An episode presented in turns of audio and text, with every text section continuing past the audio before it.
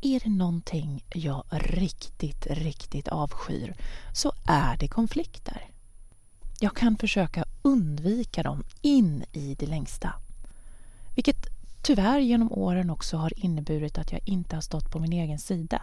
Kanske varit lite för flexibel ibland.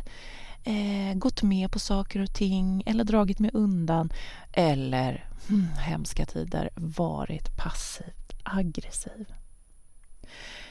Så jag tänker att det man inte tycker om, det man vet att man behöver bli bättre på, ja, då måste man öva på det, eller hur? Så tänker jag och därför kommer det här avsnittet att handla om konflikter. Ja, låter det här spännande eller låter det jätteläskigt? Vilket fall som helst, varmt välkommen till Självsnällpodden med Maria Helander.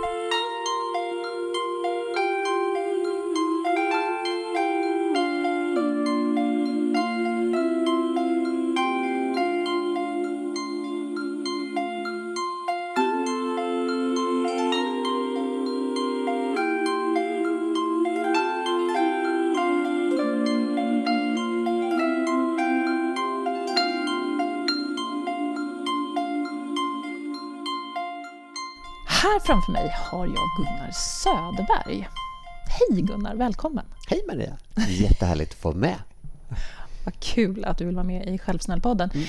Eh, du är föreläsare bland mycket annat. Du har ganska mm. många strängar på din lyra. Men eh, i det här sammanhanget så har jag lockat hit dig till Stockholm, för du bor egentligen i Göteborg. Mm.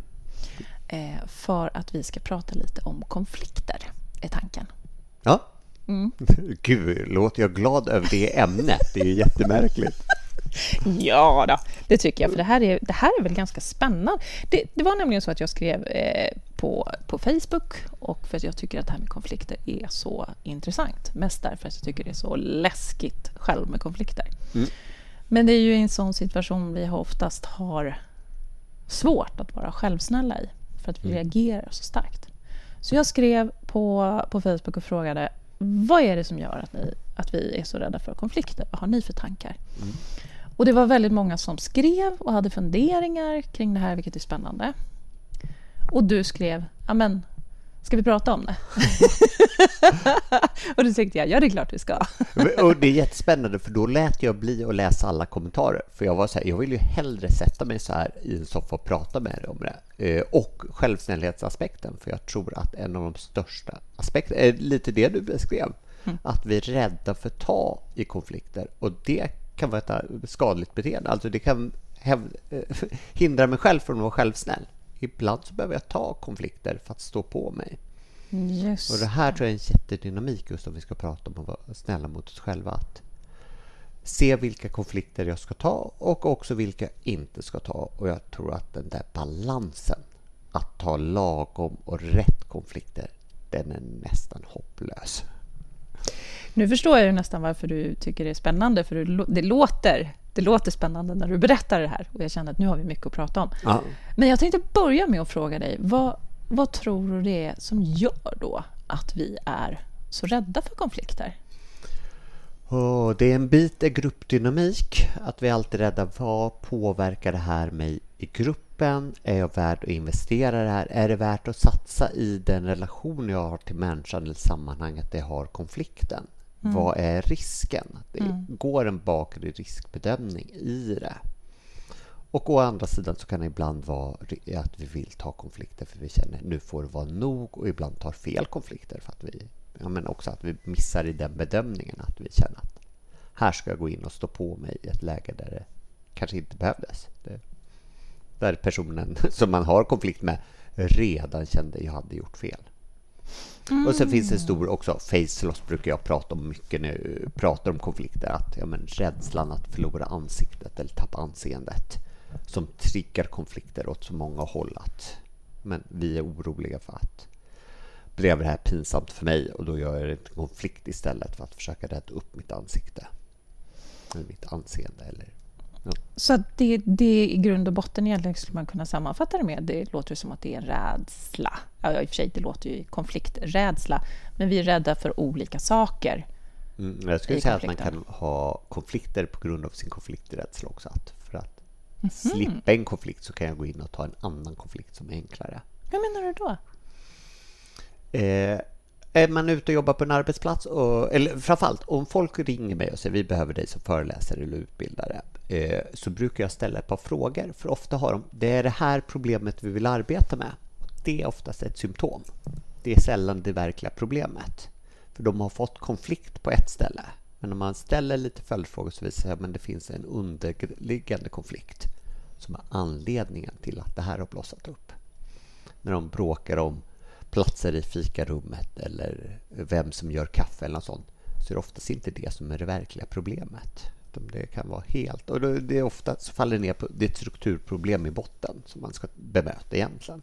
Så att vi, men och då funderar jag på om det här, undrar om det kan vara samma sak i, i privatlivet? Det, det tror jag. Det ja. ja men, eh, tittar jag på vad mina barn är sura på pappa för så är det oftast inte den verkliga anledningen mm. utan det är oftast något annat underliggande som ligger bakom att men ställer jag ett par frågor, om jag kan hålla mig och inte dras med utan mm. ställer lite frågor tillbaka så kan vi komma fram till att det var något helt annat än att jag tjatar på att göra läxan. Det kan mm. vara så enkelt som att men jag vet om att jag borde gjort det här. Jag skäms nu påpeka det för mig, för mm. jag borde kommit på det. Så påpekar du två, tre gånger så blir det jättejobbigt för mig. Det vill säga att jag skäms över att jag inte gjorde det här, eller jag kanske egentligen är irriterad på dig för att du inte ställde upp för mig när jag önskade att du faktiskt skulle komma hit. Mm. Och jag kan ju själv märka att jag går igång på en sak när, som, när någonting händer eh, hemma och jag blir oproportionerligt sur, vilket beror på en stressig jobbbit eller att någon kund sk skulle ha hört av sig inte har gjort det. Eller, alltså, det finns ju sådana bitar som blommar ut och då har jag en konflikt på helt fel ställe. Och vad, vad, då, då missar vi egentligen vi missar hela själva grejen. Alltså. Det, det blir inget konstruktivt. Nej, det, då blir det inte konstruktivt. Även om jag måste säga, ibland behöver jag ju bara få det emotionella utbrottet också. Mm. Alltså, jag behöver ställa mig i en hörn och skrika eller, eller gråta eller jag behöver ja, men pysa lite någonstans.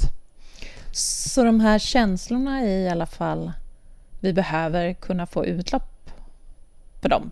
Jag tror att många av oss behöver det. Mm. det att ja, men försöker vi kuva känslor så kommer läcka ut någonstans mm. förr eller senare. Jag, fun jag funderar ofta på, på det där, för jag tror att du har otroligt rätt i att det är många gånger när det kommer till konflikter att vi hamnar i, i helt fel. Vi kör in på fel väg helt enkelt när vi blir irriterade och frustrerade. Men så kan man ju säga att det finns ju en, finns ju en annan, om man tycker det är extremt obehagligt med konflikter, mm. så finns det ju de som istället för att skapa en konflikt går in i en passiv aggressivitet. Mm. Och den är ju, det blir ju också en konflikt. Jag, jag höll på att säga, är, är det inte bara ett fråga om vem som ska starta konflikten? Om jag blir passiv aggressivt så vet jag om att det kommer nio fall av tio trigga en konflikt, men jag startar den inte. Och då kan jag vara så här, ja, ja, jag är så mycket bättre än dig som behöver gå in. Men eh, det, det, blir lite humoristiskt, men det blir också, det är nog så att i många lägen så är det där konflikten har startat. Mm. När man gör vissa beteenden. Och beroende på sammanhang så är det ju ibland klassat som konflikter redan där. Att mm. När folk gör de där passiva aggressiva handlingarna så i vissa lägen så säger vi att det är en konflikt redan då. Det skulle jag verkligen vilja säga att det är. För att du har ju reagerat över någonting och du väljer ett beteende mm. Och vad är det du vill med den här passiva aggressiviteten? Jo, men det är ju att du vill skapa en, en reaktion, som du säger. Mm. Aha, nu, nu var det inte jag som började bråka. Men du vill ju, du vill ju egentligen säga ifrån från början. Mm. Men så har du inte modet att göra det. Eller du kanske inte har fått med dig redskapen. Jag tänker att det är många av oss som inte får med oss det från början. Vi får inte lära oss hemma hur man, hur man har en konflikt. Utan vi kanske hade en förälder som var passivt aggressiv och då är det väldigt lätt att, att ta det beteendet själv. Mm. Ja, men det, jag tror att vi får väldigt mycket konfliktbeteende. Vi tränas i alla sammanhang. Och du hade ju ett mönster när du var hemma. Skolan hade säkert ett annat mönster. Där jag, när jag tittar tillbaka över skolan, det var ju regelrätt misshandel som förekom. För det var ett accepterat konfliktmönster där. Vilket är helt absurt, för det är ju aldrig sändningar i, i livet. I princip aldrig, och förhoppningsvis aldrig. Misshandel? Vadå? Ja, men, när jag gick i skolan så slogs det, och det vet jag om att det händer fortfarande. Ja, inga lärare som slog. Nej, inga Nej. lärare, utan, utan mellan eleverna. Mm. Och det där kunde ju ibland vara sådär speciellt eh, mellan pojkar så fanns ju en attityd som mm. jag tror ibland fortfarande finns. Ja, men det, det är pojkar. Och det är ju hemskt att det finns en sån attityd. För mm. Det är det ju. Ja. Eller hur? Men att det är då, då var det liksom lite mer accepterat. Ja, ni grabbar, man vet ju hur ni grabbar beter er. Mm. Och, och, men, och det, då har du skolan medan hemmet, när vi växte upp var det ju inte tillåtet med våld i hemmet. Nej. Eh, går du ut i arbetslivet så finns det olika mönster. Där det finns en del arbetsplatser där det kan vara gruffigt, där det kan vara hård jargong och sånt och man tycker det är acceptabelt. Mm. Och andra där det inte är acceptabelt. Så här har vi ju också egentligen då också ett problem. Alltså det här att vi inte tar det för... Undviker man en konflikt så tar man inte konflikten i tid. Nej. Och då blir det, då blir det en spiral som du säger. Då är det lätt mm. att vi hamnar där och sen ja. blir det ett bråk eller det eh, ja, Eller man försöker ta konflikten lite milt och inte gå in på vad det egentligen handlar om utan man börjar små symboler. att ja, men Om jag ställer min kaffekopp här så kommer någon till sist förstå att det är dess tur att diska också.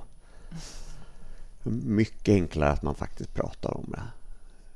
Där har vi också återigen det här med passiv aggressivitet. Det kan vara, det är ju ett mm. klassiskt sånt.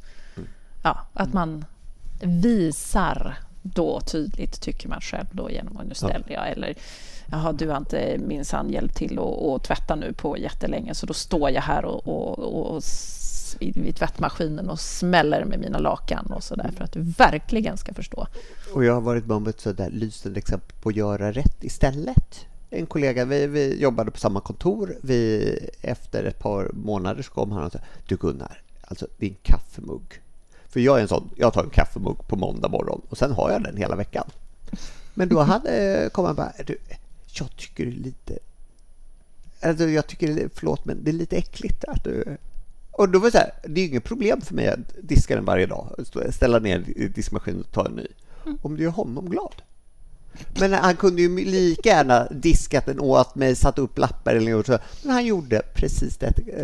Klart jag kunde tagit illa upp, men det hade det varit värt för han störde sig på det. Mm. Och Sen hade ju läst mig rätt. Jag tar ju inte illa upp över en sån sak. Självklart. Mm. Men det finns ju de som, ja men det här är min mugg, så här ska det vara. Ja, och nu kommer du också in på en väldigt spännande sak, tänker jag. Det här med att ta illa upp. Mm. För det är ju också någonting som gör att en konflikt blir så otroligt mycket starkare. Mm. Därför att om du kritiserar mitt beteende, som i det här fallet, du, du, det var din kaffemugg och kan du vara snäll? Om du hade varit tagit det som jaha, han tycker att jag är äcklig. Ja, precis. Men det sa, just det att han inte säger det och han är väldigt tydlig. Den här detaljen skapar den här känslan hos mig. Mm. Så det är ingenstans på mig utom det är bara en observation över mitt beteende, vad det har för effekt på hans beteende. Och inget att det här är någonting med mig. Och det är ju exemplariskt utifrån det. Att Just det. Så han, han, han hade ett bra sätt och det kan man kanske göra till ett allmänt råd. Ja. ja Eller men hur? Mm. Var saklig. Välj också rätt läge. Aldrig ta det här när det är som mest stressat. Alltså, jag, det här, jag är så stolt över hur jag själv har varit som chef, att jag har insett de här lägena. Att inte ta, speciellt med personal, att men, ha i läge som jag var butikschef och julrusningen. Kunde personalen göra väldigt mycket saker som jag tog i januari istället, om det var något som var tokigt. Mm. För i december var det ingen vits att ropa någonting. Alla var grundstressade och då blev konflikterna stora för saker som kunde vara små. Så att, att ta att se till rätt tillfälle att ta en konflikt. Mm. För vad händer vad då, när man är stressad? Vad tänker du då? Blir konflikter värre då eller vad, vad tänker du då? Ja, det tänker jag. Att du, har redan, du har redan adrenalin i kroppen, du har redan kortisolpåslag, du har så pass många saker som kommer göda konflikten. Så när jag är stressad då kan jag gå igång på saker som egentligen är jättefåniga att gå igång över. Att, men, alla de där små sakerna som ja, men, något av det kan bli för mycket för att jag är stressad. Mm. En sak som är helt okej i alla andra lägen. Då är det bättre att vi pratar om saker som kan störa i alla andra lägen. Så om det är någonting som man känner att man skulle, det här skulle jag behöva, jag skulle behöva säga till dig Gunnar att nej, gör, ja, diska din kaffekopp eller kan mm. du hjälpa mig med tvätten nästa gång? Mm. Så ta det absolut inte i ett stressat läge. Mm. Och en annan som byter, ta det inte som eh, comeback. Om jag säger åt dig någonting som jag tycker du ska förändra i ditt beteende, svara inte med och då vill jag att du ändrar på det här. För att en sak i taget. Utan spar det. Skriv ner det på en lista och kom dagen efter istället. ja, okej. Okay. Aha, vänta nu. Nu kom det en till grej här som var väldigt bra. Att, att ta en sak i taget. Ja. Så Aldrig att, blanda ihop konflikter.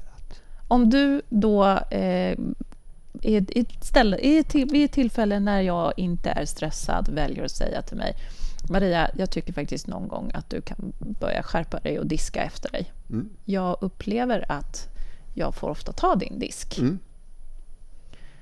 Då så välj, gjorde du, skulle du uttrycka det på det sättet eller skulle du uttrycka det på något annat sätt? Men det här är just... Eh, disken, delvis så blir när man pratar disk så hamnar jag att tänka familjesituationer. Ja. Det här är nog en evig sak som alla undrar, att alla tycker att man gör mest i hemmet. Ja. Och det här tror jag att alla har tyckt i väldigt många tider. Att, men från, även om man kollar på mina föräldrars generation, där det var mer traditionella könsroller, att mannen åkte och jobbade, min, pappa var, min mamma var hemmafru. Så hon gjorde ju uppenbart mycket mer i hemmet. Men vad är fördelningen av att han inte såg barnen lika mycket, att han var och jobbade? Men det är jättesvårt att jämföra och jag tror båda upplevde att ja, men jag gör mest för det här hushållet. Och det, det där tror jag ligger i oavsett vilken fördelning man har. Att... Mm. Och vet du spännande Gunnar, det finns faktiskt forskning på det. Ja. Jätteintressant. Det här när man, man intervjuar par just hur mycket av hushållsarbetet tycker du gör, att du gör. Mm. Och det visar sig när man slår ihop procenten så menar man all, alla överskattar sitt eget arbete. Så att ja, i hushållsarbete, ja här gör vi 120 procent i det här. Mm. För jag tycker att jag gör 60 procent och du tycker att du gör 60 procent mm. av hushållsarbetet. Så, att, så det är... finns eh, en bunt verktyg. Kommer man lika den första jag eh, kommer att tänka på som ett sånt där man mäter arbetsuppgifter i hemmet och bygger mönster efter. Ja, men nu har jag gjort det, då tar jag en sån här lapp och sätter upp. För att titta på hur... Jag har fortfarande planer om att vi ska köra vuxna mot barn så de förstår hur mycket vi gör i hemmet. För det, ju, det, det blir städat, de hjälper till lite och gnölar lite över det men mm. de ser ju inte allt annat som görs. Nej, just det. Just det, precis. Ja, det, det är en ganska spännande övning. Och det här finns en bit som jag tar med mig både i arbetslivet och i privatlivet att också prata om vem som tycker om att göra vad och vem som gör vad för att undvika att den andra ska behöva göra det. Mm. För det tror jag är jättevanligt att jag gör de här jobben som jag vet om är hemska. Så vi säger, men jag tycker om att vika tvätt. Eller ja, att mm. Bara mm, dem. För ofta så gör vi de där självuppoffrande sakerna. Mm. Och ibland så är det det den andra tycker om att göra. Det är också spännande, också en anledning till att prata om det. Mm. Men om vi går tillbaka då och just säger, vi, vi behöver inte ta att du tycker att jag inte diskar ja. eller någonting mm. sånt, utan vi kan ta en arbetssituation. Att du helt enkelt upplever att eh, du blir jättestörd av att jag pratar så högt i telefonen. Mm. Hur skulle du välja att, att säga det till mig? Det beror ju på vilken kultur man har på arbetsplatsen. Jag har råkat ut för att kollegor har kastat suddgummin på mig och det är helt okej, okay, för jag pratar högt i telefon. Eh, och de har sagt det många gånger. eh, men det är eh, mellan så här, du, eh, efter ett samtal, gärna när man har haft ett bra samtal. Du förresten, jag tänkte på en sak. När du blir glad så går du upp och pratar högre. Det märks att du engagerar. Engagemanget måste vara jättebra i kundsamtalet. Men det är lite jobbigt när vi sitter på en liten yta. Kan vi göra saker med det? Men ja, och det här sa du, du något väldigt bra då, när du väljer att säga det här till mig. Att ja. du talar samtidigt om vad bra för att jag är så entusiastisk. Mm. Ja, eh, Så du, du bäddade in samtidigt någonting som jag kunde få något lite, jag, jag kunde sträcka lite på mig samtidigt. Så Ja. tycka att, åh, ja, du tycker att jag är entusiastisk. Ja, eh, mycket feedback försöker jag lägga på det sättet att hitta de bra aspekterna också. Helst eh, nå- något bra, eh, någonting förbättringsvärt och något annat bra. Att, ja, men, eh, du vet ju om att folk säger olika, att vissa tycker att men då tar vi inte emot det och så får jag ju lära mig att vi är olika. Att vissa kommer inte lyssna på det där i mitten utan då måste jag vara raka med. Och de brukar vara lätt att tolka för de är oftast de som tycker att de ska vara raka med alla andra också. Men Det är de som kommer och säger diska din mugg någon gång va? Då- vet jag om att den här personen kommer inte lyssna på mig om jag lindar in det. De- Den tycker nog om det här. Jag fick lära mig någonting som var väldigt, har varit väldigt användbart och eh, jag tror att egentligen att alla skulle ha, ha nytta av att lära sig när det kommer till när du vet att du ska ta upp någonting för, mot en annan människa som kanske kommer att innebära en konflikt eller du kommer att bli besviken. Man ska tänka i en viss ordning. Man ska tänka eh, förstå, förlåt, förklara. Mm. Och det är en ganska enkel sak att komma ihåg.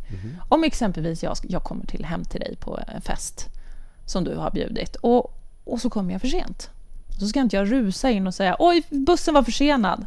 För då har jag börjat med förklaringen. Mm. Utan jag börjar med att säga alltså att jag förstår. Jag förstår att du är besviken på mig nu Gunnar. Och jag är hemskt ledsen för det. Då ber jag om ursäkt. Mm. Men bussen var försenad. Jättesmart. Eller hur? Att det är ett ganska bra sätt att framföra någonting. Så om jag, om jag skulle säga till dig att du pratar högt i telefon så skulle jag, det var ungefär nästan som du också sa att ja, jag, jag förstår att du är väldigt engagerad. Ja, men då ber du bara om ursäkt för att påpeka. Förlåt, men jag behöver bara påpeka en sak. Att när du pratar så högt Mm, så blir det jobbigt för mig att höra vad mina kunder säger. i just det. Min, mina telefonsamtal. Eller det är svårt för mig att koncentrera. Mm, just det. Och sen får man ju hitta lösningar på det. Det är ju inte säkert att... Nej. Alltså, en lösning är ju prata tystare, men ibland är det andra lösningar som behövs. Men ska Ja. vara telefonnummer, har du rätt miljö för att göra de här sakerna om det är en viktig del av ditt jobb? Mm, just det. Alltså, Ja, och, har vi en plats när jag ska koncentrera mig där jag kan vara koncentrerad? ja, absolut, precis. Då är det ju bästa för då har vi har ju vår har det inte blivit någon konflikt utan vi snarare gått direkt på kärnan och ju hittat en lösning på det. Mm.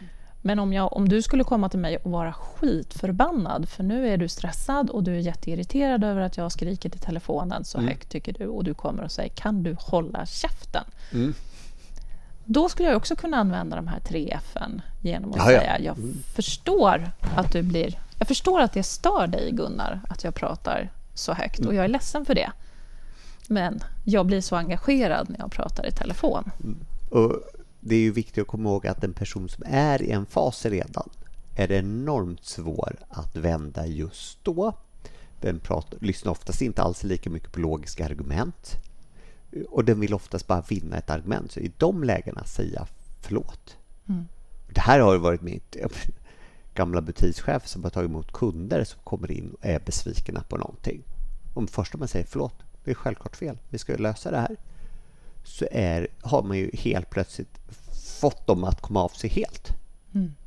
Eh, och i nio fall av tio så har det ju varit någonting. Så, men det här är ju uppenbart så det inte ska vara. Och det är väl är det inte lite det man, det handlar om också när du kommer och är väldigt besviken eller upprörd eller i en fas.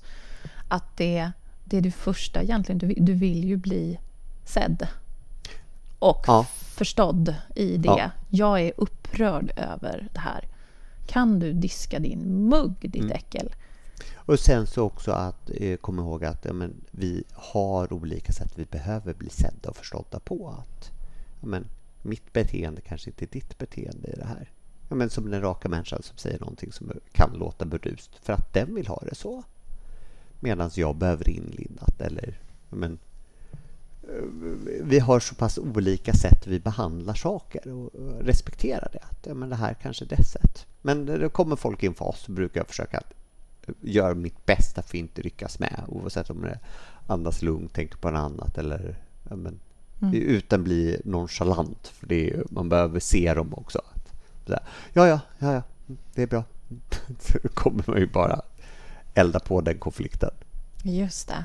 Och ibland så är det så enkelt. Jättebra. Ska vi hitta... När är det bra läge för oss att sätta oss ner lugnt och prata om det här? Jag, jag, bara, jag måste få ge mitt internetråd på det här också. Varje gång du blir förbannad på något som någon har skrivit på ett intranät, LinkedIn, Facebook eller whatever. Mm. Om du är riktigt förbannad. Skriv det där sura svaret du vill skriva. Skriv ner Caps Lock och skriv hur dumt och fel det är. Men posta det inte utan radera det sen.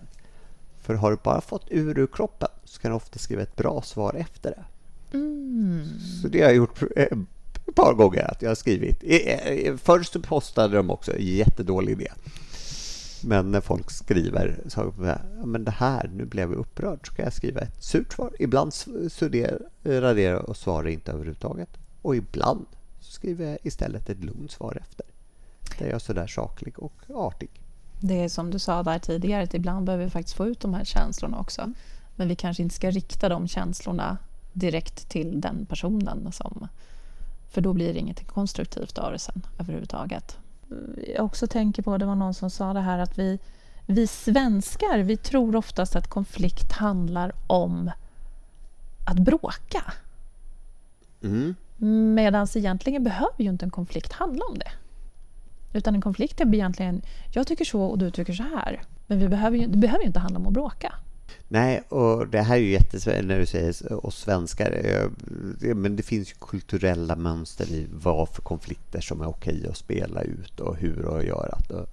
Men eh, nu eh, arbetsplatsmässigt har jag, satt jag någon gång och pratade med en annan chef som hade varit chef i Portugal innan och berättat att ja, men där var det ju standard att man överordnat skäller ut underordnad. Det får vi inte göra riktigt i Sverige. Nej, nej. Men det är också kulturella mönster då. Att ja, men så här är okej och nästan förväntat för att det är en del av kulturen att prata med mm. känslor på andra sätt. Där vi svenskar ofta kan upplevas som rätt privata med känslorna. Att, ja, men, vi, vi, kan vara, ja, men, är det fotboll och Melodifestivalen då kan vi ha känsloyttringar och kanske bröllop. men, ja, om man ska stereotypa. Sen mm. finns det ju hela spektrat i, i klicken svenskar också.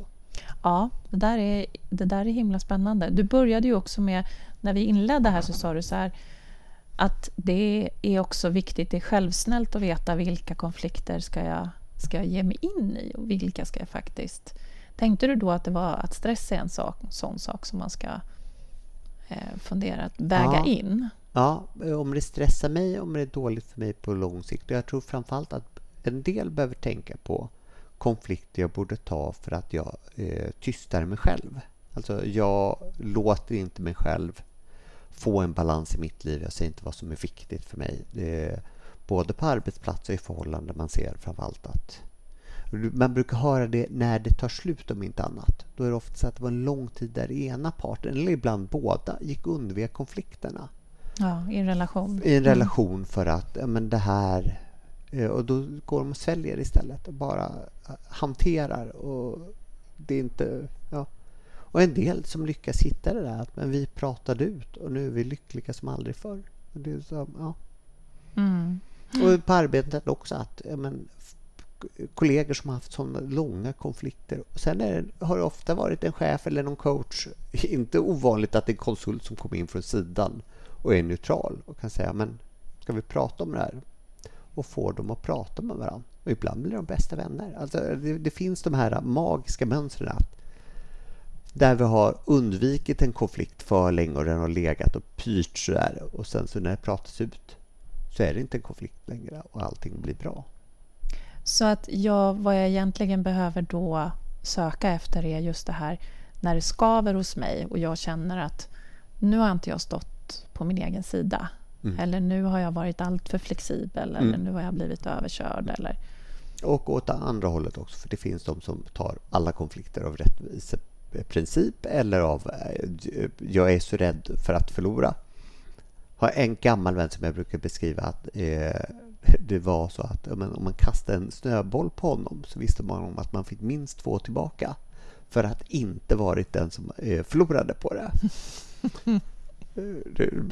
tydligen acceptera det här för jag kastade snöbollar på men, och, och vi har fortfarande en jättebra relation. Men, men att veta vad är det som gäller. Att, men, hurdana vi är. Att, är jag en sån som ofta hamnar i konflikter? Ja, men, behöver jag dem? Ska jag dra ner på dem? Vilka är det som egentligen är nödvändiga? När handlar det om att det är obalans och när handlar det om att det kan vara obalans? Liksom, för de kanske inte behövs förrän jag har fakta om det. Och då kanske inte ens behöver en konflikt. Vi kan ju prata om saker. De här, vad sa du, att man i relation ofta känner att båda gör 60 procent av hemarbetet så det är 120 procent gjort. Precis. Mm. Eh, och där kan vi också, men vad, vad, är en bra fördelning? Om jag gör de där 40, eh, om jag gör 60 procent, men det är mm. de 60 procent som jag faktiskt tycker är helt okej. Okay. Mm. Men den andra, den gör de där 40 procenten som den hatar. Mm. det är ju inte... Mm. Det är ju inte bra fördelning heller. Mäter vi tid eller energi eller vad... Mm. Just det. Jag tror inte det finns någon bra lösning på det. Lösningen är vad, vad trivs ni med? Mm. Och samma sak med arbetsplatser. tog med, med mina nuvarande kollegor så behöver de säga Gunnar, det är ju så att en av kollegorna eh, dammsuger oftast. För att det är ett sätt för henne att rensa skallen. Så om det inte är akut skitigt och du stör dig på så behöver du inte göra det. Och jag, alltså, fast jag är enda mannen på arbetsplatsen, jag känner mitt genusmedvetna, jag vill ju vara med och städa. Ja, det är bra att du känner så, men det här är en bit att det handlar inte bara om det. Det här handlar om att det är en uppgift som personen tycker om. Mm. Och det, den är ju också intressant. Att, men, Just det. det här tror jag finns på alla arbetsplatser. Att vem är det som gör vem är det som gör vad och varför? Inte bara stanna på gör mm. vi allting lika mycket? Mm. För ibland finns det de uppgifter som det är en som gillar att göra. Då är det bara dumt att kräma ut dem på hela arbetsgruppen. Absolut, och då, men då, det är återigen, då måste vi ha pratat om det och inte bara tagit det för givet. Ja. Att eh, Karin älskar att göra, att diska de här muggarna. Utan det måste vi få veta i så fall. Att hon mm. älskar att göra det och gärna vill göra det. Mm. Men okej, okay. Så om vi, om, vi funder, om vi hjälps åt här och funderar lite så är det då att, att, att välja sina konflikter. Antingen då att känna att när, när det skaver i mig så behöver jag säga det här innan det mm. blir en konflikt. Ja, eh, speciellt har jag börjat gå och dra mig för att säga det, då är det hög tid. Då ska jag säga det. När det börjar kännas lite obehagligt. Ja, när det känns som att jag borde, jag borde berättat det här. Kan, kan man öva på sånt, tänker du, Gunnar? Jag, jag tror man kan öva på allt. Ja. det, det är ju mitt, mitt favorit. Eh, men jag tror att vi behöver olika mycket. Men jag tror att alla kan må, må bra av att öva på saker. Men det, men det är jätteviktigt att börja bära emot för mig och säga till. Ja, men då, då ska jag göra det med en gång för det kommer inte bli lättare att säga till. Nej. Enda undantaget är om det är på tok för stressig situation. Just det, så det behöver jag också kunna känna in. Hur känns det just nu? Ja, eller om jag inte känner, kan mm. känna igen in det eller har svårt att känna in det, fråga någon annan. Mm. Det... Mm. mm. precis. Och förhoppningsvis så, jag menar, är det en relation eller en vänskapsrelation eller någonting sånt så, så känner man ju varandra så att jag kan känna okej, okay, nu har det varit mycket för Gunnar så då kanske jag inte ska prata om de här kaffekopparna. kan vi tycker jag också ett bra råd, det där att bekräfta en annan människa när jag, när jag väl säger någonting. Mm. Eh, och är det någonting som jag har gjort tokigt, att också kunna använda förlåt. Ja, mm. och mm. var beredd på att vi är mänskliga, det är okej att göra fel det är ofta vi är rädda för att erkänna att vi gjorde fel. För det, det känns som om då havererar hela världen. Men det är ju tvärtom. Det kan vara rätt så förlösande. Säga, men vet du vad, jag gjorde fel. Ja. Vet du vad? Jag, och då blir man ju ofta så här, det gör jag också ibland. Alltså, det är, jag tycker det är, jag tror jag för mig att det var Bob Hund som sa någon gång, jag kommer inte ihåg exakt citatet, men just det att jag ska bli bättre på att göra misstag. Mm, jag hade en chef som sa det. Han hade det som regel för sina underställda chefer. Att, eh, han var norrman så han sa så här. Jag vill ha chefer som gör 30 procent fel. Jag har haft chefer som icke gjorde något fel och de gjorde inget. Kan du göra 30 fel Gunnar? Så det var ju helt underbart att det, det, det var ju accepterat och man mm. kunde säga det här var dumt. Alltså, och det är klart att det dök upp saker som, mm. som var dumt. för man är människa och man prövar saker också. Då, då, varje gång du prövar någonting så är ju risken att det blir fel. Men prövar du inget, ja men det är ju värdelös strategi. Mm. Så att öva sig också kanske att göra lite misstag. Eller tillåta sig, som du sa, det är faktiskt mänskligt. Vi mm. är människor. Mm. Ja, och vi människor, det är viktigt att komma ihåg att vi är olika de här lägena. En del kommer behöva på att ta mer konflikter, en del behöver eh, öva på att ta färre konflikter. Mm. Och jag tror för alla är timingen jätteviktig att öva på att mm. känna igen rätt läge. Kan vi ta det lugnt? Eh, när har vi läge att prata om det här? Just det, precis. Och kanske också känna när, när det är det, att en konflikt kanske inte alltid handlar om att vinna och förlora. Utan Nej. att det är, det är ju ett sätt att en konflikt är ett sätt att mötas. Mm. Att jag upplever det här och du upplever det där. Kan vi hitta ett möte på det? Mm. Finns det vinnare och förlorare i konflikter? Det borde inte vara så. Nej, jag tycker att det oftast finns det antingen bara vinnare eller bara förlorare. Men det är ju vitsen att mm. ska någon vinna en konflikt, ja men då kommer det nog inte ta slut. Nej.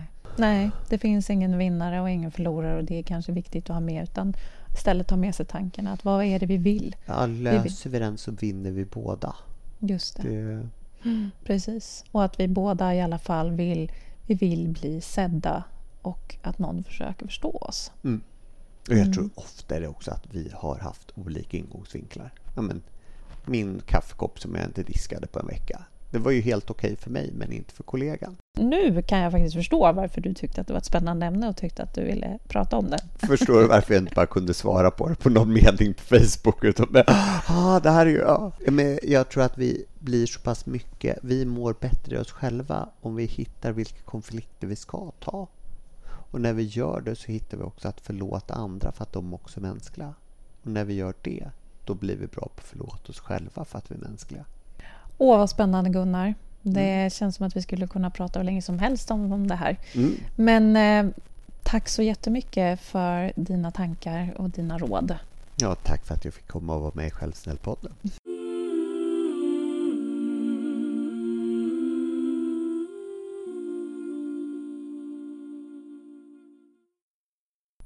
Ja, här fick vi lära oss en hel del om konflikter. Jag fick med mig väldigt många spännande redskap att börja öva på. Och framför allt kanske komma ihåg att för att vara självsnäll så behöver vi kunna ta vissa konflikter. Och kanske också komma ihåg att konflikt behöver inte betyda bråk. Konflikt handlar inte om att vinna eller förlora.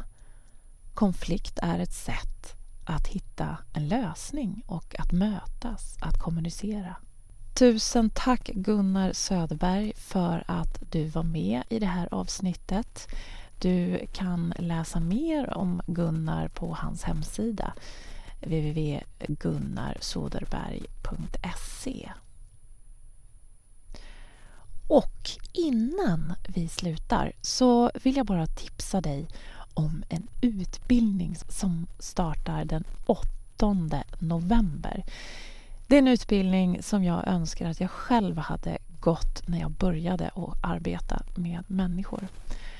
Den heter eh, Stresshantering med compassion och vänder sig till dig som arbetar med människor. För vi som brinner för att göra skillnad och hjälpa andra, vi är också de som snabbast bränner ut oss själva. Så I den här utbildningen kommer jag att titta på redskap som jag har lärt mig genom åren. Dels att hantera stress, men också självklart hur kan jag hjälpa mig själv att behålla min energi, min empati, min självsnällhet när jag jobbar med andra människor? Gå in på mariahelander.se och läs mer. Och så hoppas jag att vi ses då. Tack för att du har lyssnat. Hej då!